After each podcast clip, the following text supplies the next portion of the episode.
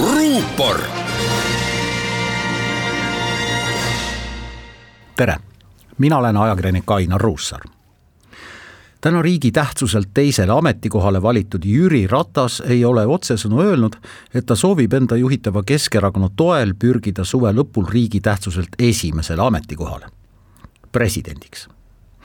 kui ajakirjanikud temalt seda küsivad, teeb ta kavala kassi näo küll aga otsib Ratas ühismeedias tehtud postituses aktiivselt nimesid, kes võiksid rahva arvates olla Kadrioru kandidaadid. miks küll? sellepärast, et lisaks poliitiku instinktile olla ise nähtav igast pilust, soovib ta kahtede valimiste aastal taaselustada presidendi otsevalimiste idee. tõsi, sellega lubab ta tegelema hakata pärast kahe tuhande kahekümne kolmanda aasta parlamendivalimisi praegu näeb seadus ette, et riigipea peaks suutma ära valida Riigikogu ja kui see ei õnnestu, tavaliselt ei õnnestu, siis valimiskogu, mitte rahvas seni on taasiseseisvunud Eesti presidendivalimised olnud pigem kirjud ja mänguilu pakkuvad kui igavad. tuhande üheksasaja üheksakümne teisel aastal rebisid taasiseseisvunud Eesti esimese presidenditooli poole tollane Ülemnõukogu esimees ja tänane EKRE auesimees Arnold Rüütel välisminister Lennart Meri, politoloog Rein Taagepera ja poliitik Lagle Parek. rahvahääletusel ei kogunud keegi neist vajalikke hääli ja otsustamine läks parlamenti, kus võitis Meri. neli aastat hiljem algasid valimised igavalt, sest Riigikogus olid vastastikku vaid Meri ja Rüütel parlament ei suutnud valikut teha ja esmakordselt tuli kokku valimiskogu, keda rahvas iseloomustas kui erinevatest Eestimaa nurkadest kokku sõitnud inimesi, kes sidusid hobused Estonia teatri ette lasipuu külge ja läksid tarku otsuseid langetama. teatrisaalis oli juba põnevam, kuna kandidaatide ritta lisandusid poliitikud Siiri Oviir, Tunne Kelam ja akadeemik Enn Tõugu.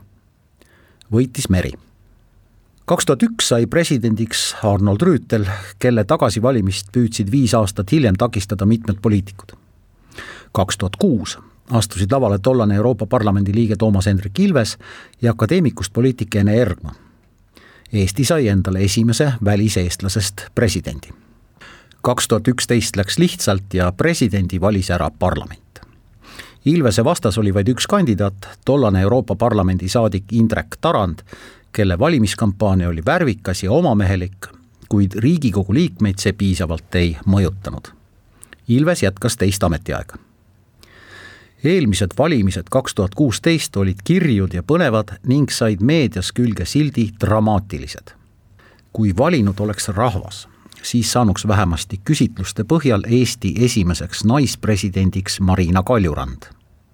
Kadriorgu püüdlesid veel poliitikud Siim Kallas, Eiki Nestor, Urmas Paet, Mailis Reps ja Mart Helme ning end parteidest sõltumatutena reklaaminud Jaak Jõerüüt ja Allar Jõks riigikogu presidenti kolmel katsel valida ei suutnud. valimiskogu ei suutnud ka.